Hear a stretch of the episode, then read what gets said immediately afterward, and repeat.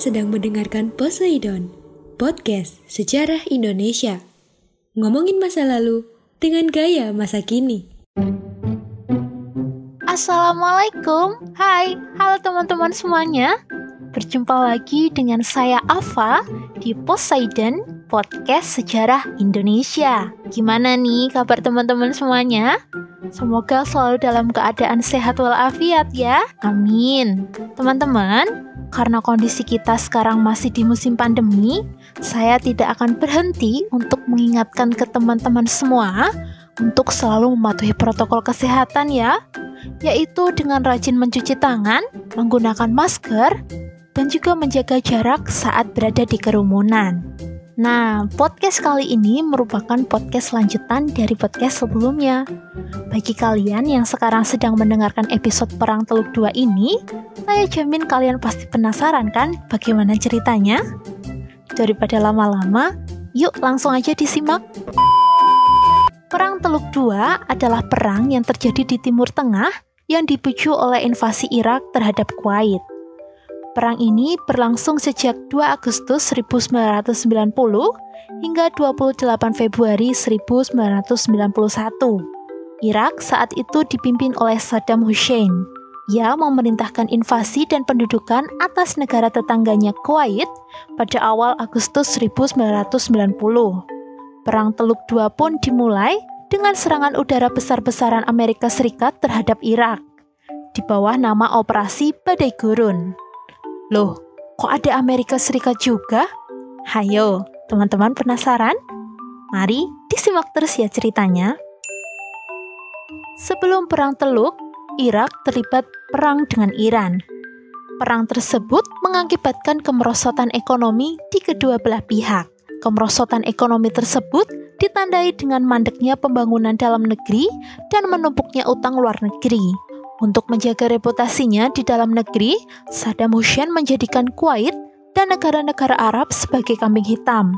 Ia juga mengungkit-ungkit masalah perbatasan yang sebetulnya setelah selesai, seperti menuduh Kuwait menyedot minyak mentah dari ladang minyak Arumailah yang terletak di sepanjang perbatasan kedua negara tersebut. Kuwait menolak permintaan Irak agar utang Irak kepada Kuwait sebesar 14 miliar dolar Amerika Serikat dihapus menuduh kedua negara tetap bersekongkol untuk menjaga harga minyak tetap rendah demi menjaga persahabatan dengan bangsa-bangsa Barat, dan juga mengangkat masalah batas wilayah warisan pemerintah Ottoman Turki. Menurutnya, Kuwait merupakan bagian yang integral dari Republik Irak. Saddam Hussein menyebutnya sebagai provinsi ke-19 Irak. Atas dasar itulah, pada pertengahan tahun 1990, Irak mulai menempatkan pasukannya di perbatasan Kuwait. Sebelumnya, Presiden Mesir, Husni Mubarak, memprakarsai negosiasi antara Irak dan Kuwait dalam upaya menghindari intervensi Amerika Serikat atau kekuatan-kekuatan lain di luar kawasan Teluk. Namun pada Agustus tahun 1990, Saddam Hussein memerintahkan invasi ke Kuwait. Saddam Hussein beranggapan bahwa sesama negara Arab akan bersikap netral menyikapi invasi Irak ke Kuwait dan tidak akan mendesak dunia internasional untuk menghentikannya. Namun, Saddam Hussein salah perhitungan. Dua per tiga dari 23 anggota Liga Arab mengutuk tindakan agresi Irak tersebut. Presiden Amerika Serikat George Wilbur Bush bersama dengan Inggris dan Uni Soviet mengutuk invasi Irak atas Kuwait. Pada tanggal 3 Agustus tahun 1990, Dewan Keamanan PBB mendesak Irak menarik pasukannya dari Kuwait. Tiga hari kemudian, Raja Fahd dari Arab Saudi bertemu dengan Menteri Pertahanan Amerika Serikat, Dick Cheney untuk meminta dukungan militer Amerika Serikat tersebut serta menyerukan kepada negara-negara anggota NATO untuk mendukung Kuwait. Pada 8 Agustus 1990, pemerintah Irak secara resmi menaneksasi Kuwait. Pesawat-pesawat tempur pertama Angkatan Udara Amerika Serikat tiba di Arab Saudi sebagai bagian dari penambahan kekuatan militer. Nama sandi operasinya adalah Operation Desert Shield. Di darat, terdapat pasukan gabungan dari NATO yang siap siaga menghadapi serangan Irak terhadap Arab Saudi. Sementara itu, Di Kuwait, Irak meningkatkan jumlah pasukan menjadi 300 ribu tentara. Dalam rangka menggalang dukungan dari dunia Islam, Saddam Hussein mengumumkan jihad melawan koalisi. Dia juga mencoba bersekutu dengan para pejuang Palestina. Di saat-saat terakhir menjelang perang besar dengan Amerika Serikat, Saddam Hussein menandatangani perjanjian perdamaian dengan mantan musuh bebuyutannya Iran sebagai salah satu langkah yang diyakini dibuat untuk mengurangi musuh. Oke teman-teman, kita rehat dan tarik nafas dulu ya. Sebelum dilanjut, ada info yang sangat menarik nih buat kalian. Yuk, disimak aja yuk. Nah, balik lagi ya ke Perang Teluk 2 pada 29 September 1990, Dewan Keamanan PBB secara resmi mengesahkan penggunaan segala cara yang diperlukan untuk melawan agresi Irak. Apabila Irak tidak menarik diri dari Kuwait hingga 15 Januari tahun berikutnya, pasukan koalisi yang telah siap melawan Irak berjumlah sekitar 750 ribu orang, termasuk 540 ribu personel pasukan Amerika Serikat dan jumlah yang relatif kecil dari Inggris, Perancis, Jerman, Uni Soviet, Jepang, Mesir, dan Arab Saudi. Sementara itu, Irak mendapat dukungan dari Yordania, Aljazair, Sudan, Yaman, Tunisia, dan Organisasi Pembebasan Palestina. Pada pagi hari, 17 Januari 1991, serangan udara masif di bawah pimpinan Amerika Serikat yang dikenal dengan Operasi Badai Gurun menghujani pembertahanan udara Irak. Dalam waktu singkat, jaringan komunikasi, gudang senjata, dan kilang minyak porak-poranda. Amerika Serikat menggunakan teknologi militer terbaru, di antaranya pesawat pengepung steel dan rudal cruise yang disebut juga bom pintar dengan sistem petunjuk laser dan peralatan inframerah pengeboman malam hari. Tujuan serangan udara ini adalah untuk memenangkan pertempuran udara dan meminimalkan pertempuran darat sebanyak mungkin. Pada pertengahan Februari, pasukan koalisi memerangi pasukan darat Irak di Kuwait dan selatan Irak. Serangan darat yang masif dari sekutu, dikenal dengan nama Operation Desert Shabri, diluncurkan pada 24 Februari 1991. Pasukan itu bergerak dari timur Laut Arab menuju Kuwait dan selatan Irak. Empat hari kemudian, pasukan Irak menyerah dan Kuwait pun terbebas dari pendudukan Irak. Pada saat yang sama, pasukan Amerika Serikat menyerbu Irak sekitar 120 mil sebelah barat Kuwait, menyerang pasukan cadangan lapis baja Irak dari belakang. Pasukan elit Garda Republik Irak menyusun pertahanan selatan Al-Bashrah di tenggara Irak. Namun, pada 27 Februari 1991, pasukan elit tersebut sebagian besar dapat dikalahkan. Melihat perlawanan Irak yang semakin lemah, Bas mengumumkan genjatan senjata pada 28 Februari 1991 yang mengakhiri Perang Teluk.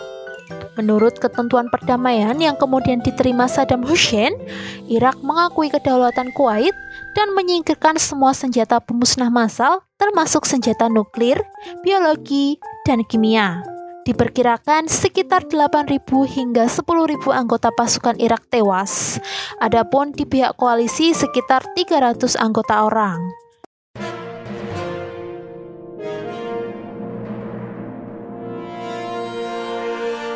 Hai teman-teman, saatnya kita masuk di segmen History Flash. Tahukah teman-teman, sebagian suku Inuit di Kutub Utara justru menggunakan lemari es untuk mencegah makanan mereka beku loh.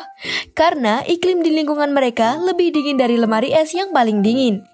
Apakah kalian pernah salah nulis teman-teman dan butuh penghapus? Tahukah teman-teman, sebelum penghapus ditemukan, orang-orang menggunakan remah roti untuk menghapus tulisan, pensil, dan tinta. Demikian Story Flash, kita ketemu di episode berikutnya. Jangan lupa untuk selalu mematuhi protokol kesehatan, memakai masker, mencuci tangan, dan menjaga jarak ketika harus beraktivitas. Saya Aulia pamit.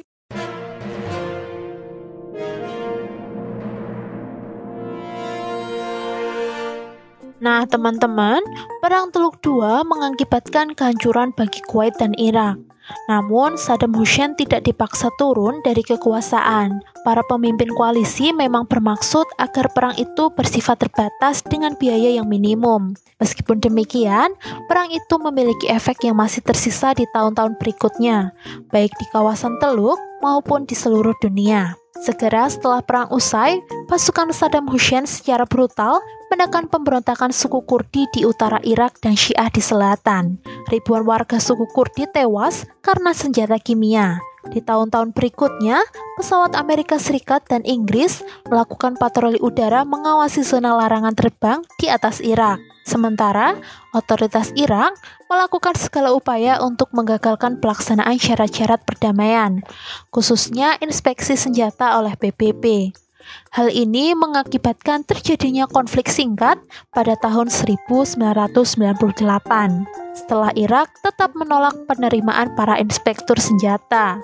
Selain itu, pasukan Irak secara sporadis terlibat baku hantam dengan pesawat Inggris dan Amerika Serikat di atas zona larangan terbang. Pada tahun 2002, Amerika Serikat yang dipimpin oleh George Walker Bush mensponsori resolusi baru PBB. Ia meminta dikirimkannya kembali inspektur senjata ke Irak. Inspektur PBB kembali memasuki Irak pada November. Di tengah perbedaan pendapat antar negara-negara anggota Dewan Keamanan tentang seberapa baik Irak memenuhi inspeksi ini, Amerika Serikat dan Inggris mulai mengumpulkan pasukan di perbatasan Irak. Bas, tanpa persetujuan PBB, mengeluarkan ultimatum pada 17 Maret 2003, menuntut Saddam Hussein mundur dari kekuasaannya dan meninggalkan Irak dalam waktu 48 jam. Saddam menolak dan Perang Teluk Tiga lebih umum dikenal dengan Perang Irak pecah tiga hari kemudian. Wah, masih ada yang ketiga nih ternyata. Setelah ini, langsung klik episode selanjutnya ya. Gimana, menarik bukan pembahasan mengenai Perang Teluk 2? Semoga bermanfaat untuk teman-teman semua ya. Oh ya teman-teman, Poseidon ada di Instagram juga loh. Untuk melihat update menu tiap minggunya, bisa kalian intip di at podcast underscore sejarah Indonesia. Jangan lupa di follow juga ya. Terima kasih sudah mendengarkan. Sampai jumpa di podcast selanjutnya. Afa pamit. Wassalamualaikum warahmatullahi wabarakatuh. Terima kasih.